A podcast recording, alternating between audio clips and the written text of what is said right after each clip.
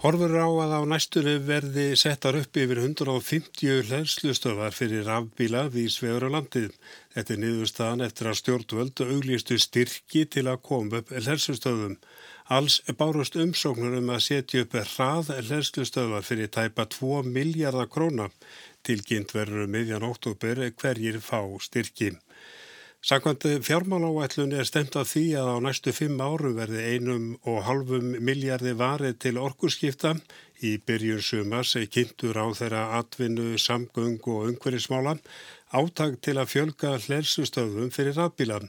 Það fólst meðal annars í því að veita styrki fyrir 250 miljónir króna. Skiliði fyrir styrkjanum er að sá sem setur upp hlersustöð greiðir helmingin á móti ríkinum. Átaki hljóða því upp á að setja upp stöðvar fyrir 500 miljónir króna. Annars vegar var ákveð að veita 50 miljónir í styrki til að koma upp hlæðslu stöðum við gististað og hótel. Í þessu tilvilli var verið að tala um hefðbundnar hlæðslustöðvar og hugmyndin er svo að gestir geti stungið í sambandi við nótt eða meðan þeir dvelja á viðkomandi hótel eða gistiheimili. Í auglýsingu var gerð grein fyrir hvaða hótel og gísistæðir ættu möguleika á að fá styrkjum. Röskar 30 umsóknir uppfyldu skiliðinn. Ef þetta gengur eftir eiga styrkinir með framlögum umsækjenda eftir að næja til að koma upp hlæslu stöðum fyrir rúmlega 100 bíla. Umsóknirnar koma vísvegar aða landinu. Hins vegar var ákveð að verja 200 miljónu króna í styrki til að setja upp að hrað hlæðslu stöðvar sem eru talsveit dýrari og stærri en hinn að hefbundu stöðvar og verða við gististæði. Alls bárust 11 umsóknir nær allar frá fyrirtækjum. Umsóknar uppaðinn var umlega 900 miljónu króna sem þýðir að sótt var um að setja upp hrað hlæðslu stöðvar fyrir röska 1,8 miljard króna þegar helmingsframlag umsækjanda er reikna með. Þetta þýðir ekki verður hægt að styrkja uppsetningu allra stöðvana sem sótt var um styrki fyrir. Aðeins voru í bóði styrkir upp á 200 miljónir frá ríkinu. Sangvand upplýsingum speilsins en lægir það þó til að koma upp 40 til 50 hlæslustöðum sem dreifast við svöru landið. Og tilkynnt verður um hverju hljóta styrki eigi síðar enn 15. oktober. Með styrkjana var stemt að því að setja upp eh, afl meiri stöðvar en nú er í bóði sem þýðir að hlæsutímin stittist. Það var líka krafa um að stöðuna leittu til stittri ferðatíma á langverðum. Það átti ekki síst við um bílalegu bíla sem á að flýta fyrir innleðingu rafbíla í ferðaþjónustunni.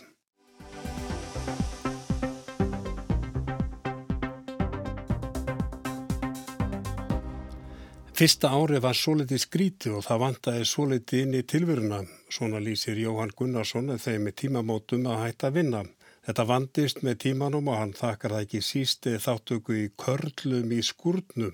Verkefni á vegum Rauðakrossins, skúrin er við hellurhaun í hafnafeyði og þanga geta karlar á öllum aldri komið og synd ímsum verkefnum. Speilin hitti Jóhann í skúrnum. Daginn. Góðan dag. Ég er að koma að hitta Jóhann Sára. Jói er hérna fyrir innan ykkur staðar. Það er engi vand að finna hann, það er háaði kringum, hann er með sögina. Það er með mósaði. Þetta er semst, ég er ekki komin inn í skúrin. Þetta er svona, Þetta er er hluti á honum. Þetta er, þetta er fordir í skúrsins. Þetta er fornist ekki verið ekki stað sem er lítið háaði. Hérna megin setja gáumennir lausa hilsmálum og svo eru við hini sem að förum inn og smíðum. Gerðu svo vel sæstu bara. Já. Já, Jóhann heiti ég Gunnarsson er 73 ára. Starfaði sem velvirti í 43 ár í Strömsvík, 42 ár í Strömsvík. Hvernig var að hætta eftir, já, rúmlega 40 ár? Eh, Sko í Strömsvík er þið með terfi þar sem er bóðið upp á starfslokk. Þryggja ára stra- starfslokk þar sem menn fá hálf laun. Þannig að það er svona langt flesti sem hætta 67 ára. En menn geta unnið til 70. Þú valdir að hætta 67. Ég, ég var, ég hefði orðið 68 ára þá um haustið. Vegna sem menn voru búin að segja mér, ég er, ég er ámæli september, að það verið svolítið, gæti verið erfitt að hætta inn í haustu og veturinn ef að menn væri ekki sáttu við að hætta. Það væri betra að hætta inn í sömarið. Varst þú ekki sáttur við að hætta? Jú, það var þannig að, að á þessum tíma var verið að fækka mönnum, átt að fækka mönnum, já, að ég held um 10%. Og þetta er svona gagkvæmur samningur, þannig að við getum hætt og þeir geta látið okkur í flýtt starfslokk. Þannig að stað fyrir að segja yngri mönnunum sem voru konum í stýttri ráningatíma, þá var klift aftan af. Af því menn sem eru komin á þennan tíma þeir geta runlega sagt þessu hvernig sem er sko. Þannig hösti sko að þá leti vextur að vita að, að, að ég væri nú svona ígrund þetta, var ekki búin að taka ákvörðum. En svo þegar þessi staða kom upp í fyrirtækinu að þá var náttúrulega ekkert snúið aftur. Og það var kannski að segja bara bæði já og nei í þenni stöðu. Á þess að það færi neitt á sálinna sko. Hvað, þetta er svona, þú ert ekkert að mæta kannski kaffi í álveri í Strömsvík, þú, þú ert að vera í, í, með ákveðin hlýfðarbúnað og svona þannig að það kannski, þegar þú hættir þá ertu kannski bara dottinn úr sambandi svolítið við fólkið, samstagsfélagina. Nei, það er á, á sem við köllum áramótakaffi. Og þeir sem eru hættir þeir koma þanga og við fáum kaffi með strákunum, svona fínt meðlæti og hittum þá allavega einu sinna ári. Og svo hefur Ísal verið með eh, eldri borgaraferðir. Þannig, þannig að það er svona eh, viss sambund og einu sinni mánuði yfir vetramánuðin hittast Ísal menn eh, og fá sér kaffi inn í guldsmára þannig að við erum svona tengdir ennþá. Já, þið haldi, haldi ákveðnum tengslum, en þetta, er, þetta eru kannski viðbreyði að vera búin að vera, já, ég veit ekki hvort þú varst 8 eða 10 eða 12 tíma á dag með, með þessu fólki og, og hitta það svo bara á stöku sinnum. Jú, það er náttúrulega sko, eh, maður er að mörguleiti meira með vinnufjörðanum heldur en makonum. Vegna þess að þarna getur var með sama mannin um 8 klukkutíma, en þegar maður er komin heima þá er, þá eru búðaferðir og það er sjónvarpið og dittin og dattin, þannig að oft á tíðum eru menn bara meira með vinnufjörðanum heldur heldur en maka og, og börnum sko. Kom þetta óvart hvernig, hvernig það var að hætta? Eða varstu búin að sjá fyrir þér að þetta er því svona nokkurt meginn eins og það varð? Jú, jú, það var náttúrulega menn sem voru eldri í ég sem að maður hitti og margir þeirra sögust hafa svo mikið að gera þegar kemurst ekki yfir það sko. Því það er náttúrulega barnaböndur og fjölskyldan og tala um eða menn detti inn í svona félagskapa þá er raunlega nóg að gera ef að menn vilja. Svo var ég nú stundaðinni svolítið líka sagt og sundir sko og gungur en, en fyrsta árið var eh, hvað maður segja, svolítið skrítið eða þannig maður, kannski vantaði svolítið inn í tilveruna að því þessi tilvera vinnutilverun er náttúrulega og sérstaklega maður er búin að vinna svona lengi á sama staða þá er þetta eh, partur og ég stór partur af hverju manni vin, vinnu staðurinn vinnu félagarnir Og hvernig eftir þetta fyrsta ár, hvað breyttist? Hvernig fór þetta svona að hætta að vera skrítið og hvernig fórst að finna, finna svona þína fjöl aftur? Sko þetta var aldrei neitt vandamál hjá mér, mér þótti ekki mann að vinna og, og stimpuklikon fór ekkert í töðunar á mér en e, eftir árið var ég orðið mjög sáttur sko og, var, var alveg steinhættur að hugsa svona og með neinu söknuði til þess sko eða, eða, eða svo tilfinning að maður þyrst að vera í þessu. Og hvenar kemur svo hingað í, í þetta prójekt? Byrjum við fyrir, fyrra vittur.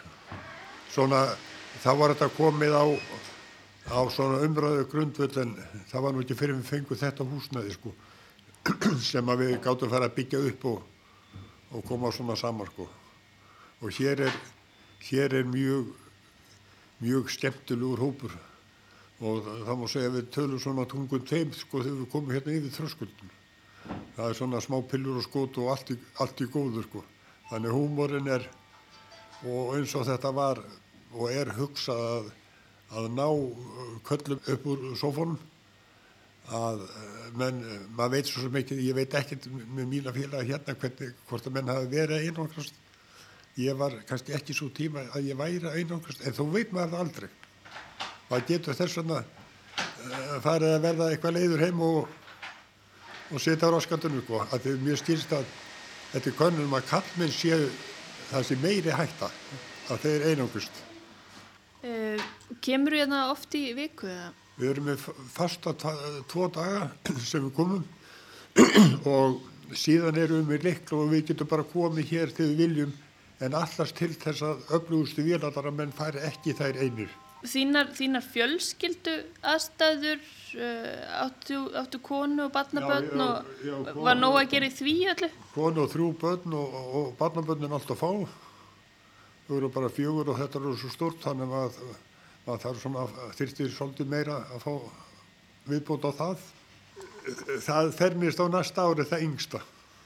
Þannig að það, maður er vaksinu upp úr eiginlega svolítið afar hlutverkinu sko.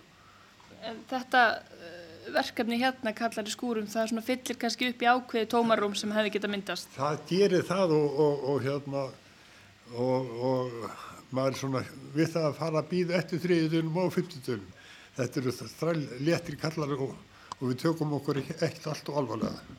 Það er svona sa sama stemming og kannski á vinnustanum, gamla. Jú, það, ég hugsa að sko vinnustæðir eru náttúrulega með, má kannski segja að, að, að skemmtilegi vinnufélagar er meira virði heldur en kannski vinnan. Að, að því þó ef að vinnan er skemmtileg, ef vinnufélagarnir ekki, að þá getur vinnan aldrei orðið skemmtileg. En leiðileg vinna getur orðið skemmtileg með skemmtileg vinnufélagum. Þannig að hérna þá vinnur bara þínum áhugamálum, Já, já. en þú færð svona þennan pakka, þennan vinnufélaga pakka kannski með í kaupati. og, og það, er, það er stundur sem ég alltaf verið inn í sal og, og fer hérna í kaffi og kaffi er kannski orðið eittir tímar og, og ég ger ekkert að því sem ég ætlaði að gera. Já, við höfum á að segja hafa nógan tíma, það má segja það. Kannski eitt í viðbót að þú nefndir að þú hefur svona sótt þér, sko, sótt ráð til kalla sem að hættu og undaðir. Fjárstu einhverju aðra ráðgjöf eða fórst á starfsloka námskeið eins og sumi geraði eitthvað þess áttar? Nei, nei, það var ekki, ekkert sko, það var ekkert en, en þau voru flestir sammála um að það væri uh, þeir sem hefðu hætt inn í haustið og voru ekki sáttu með veturinn og, og svo- síðan menn sem hættu að voru það te- hafi komið betur út. Þannig ef að menn eiga kost og ég held að þetta sé alveg rétt ef, að- ef að menn uh, sakna vinnufélagana, vinnunar og fá svo kannski haustrygningarnar og myrkrið að það sé betra að hafa hitt með sér. Og hérna er sko höfndinu svona dagbók. Þú skrifaði í hana hverju mæta og já. ekki skrifa það? Eða það má Jú, kannski ekki, það eða- er, það er, er nú ekki spurning að það er, nú ekki, það, það er fjörði í dag. Þetta er ég. Og þú bara segja útvarskona eða eitthvað svona. Rúf. Já. Og það var Arnildur Haldunadóttir sem talaði við Jóhann Salomón Gunnarsson.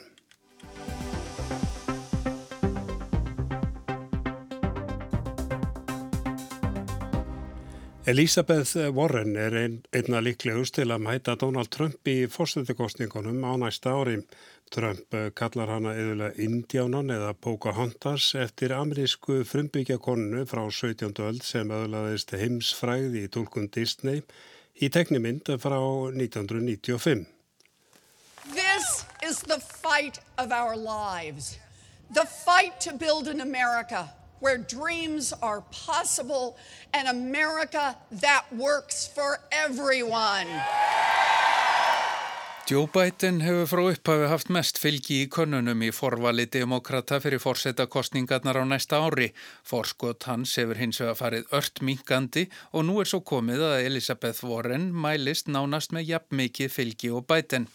Rannsóknu bandar ekki að þings á því hvort Trump hafi misnotað fórseta ennbættið til að þrýsta á fórseta Úkrænu að rannsaka Biden feðga verður Biden var til framdráttar. Bernie Sanders mælist yfirleitt með þriðja mesta fylgið en hann hefur ekki verið að bæta við sig og hefur að auki þurft að draga sig tímabundið út úr kostningabaráttunu af heilsufars ástæðum á meðan hann gengst undir hjartaaðgerð. Fylgi annara frambjöðanda er hverfandi. Fylgi Elisabeth Warren hefur aukist jæmt og þétt síðan hún tilkynnti frambóð. And that is why I stand here today to declare that I am a candidate for President of the United States of America.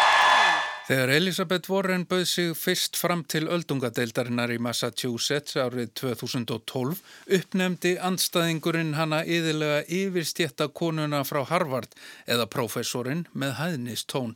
Scott Brown rak kostningabaráttunum úr pallbíl en skítapaði fyrir Warren. Í kostningabaráttunni nú leggur hún mikla áherslu á rætur sínar á Gresium Oklahoma en minnist varðla á áratugina tvo sem hún varði í lagadeild Harvard háskóla þar sem hún var einn launahesti kennarin. Warren vill losa sig við forréttinda og elítustimpilinn og rifja riðulega upp að móðir hennar hafi verið á lámarslaunum hjá verslunarkeðjunni Sears í Oklahoma borg eftir að fadir hennar fekk hjarta áfall. Sjúkrakostnaðurinn var til þess að fjölskyldan misti næstum þakkið yfir höfuðið. Hún segir að bandarískar fjölskyldur séu fastar í fátækra gildru. Look at any other major issue in America. Gun violence, student loan debt, the crushing cost of health care, mistreatment of our veterans, a broken criminal justice system, an immigration system that lacks common sense